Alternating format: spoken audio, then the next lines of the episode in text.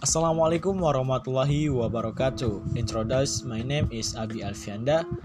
My ID number 2000754. Here I will respond to the question posed by Medina Shifa to the group 7.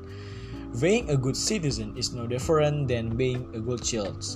There is no need to imitate the attitudes of other as citizen.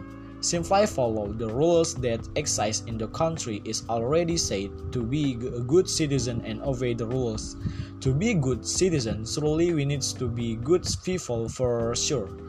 We're well to learn to be good people, we need to obey sacred and mandatory rules from the beginning. What is it? Comply with parental rules. Many people out there underestimate this and as a result will have an effect on the outside environment as well.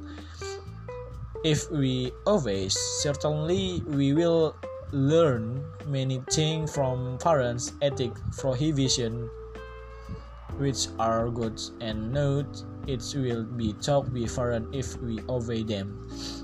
Second, as citizens, we need to know about our culture there is no need to follow our cultural custom that exists in the country.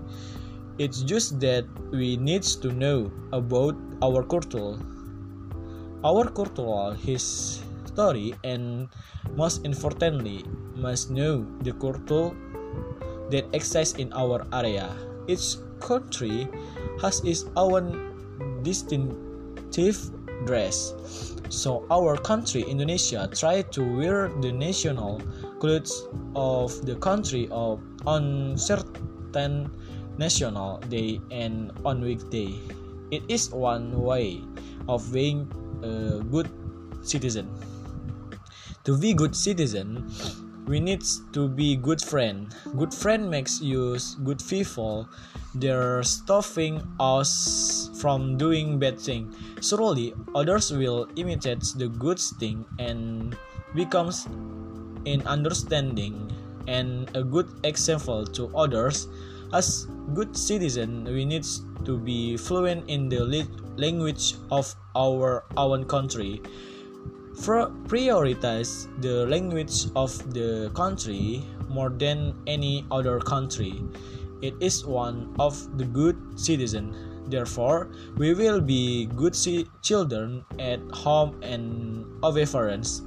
Know about existing cultures, become valuable friend and good people in general, and become good Indonesian citizen.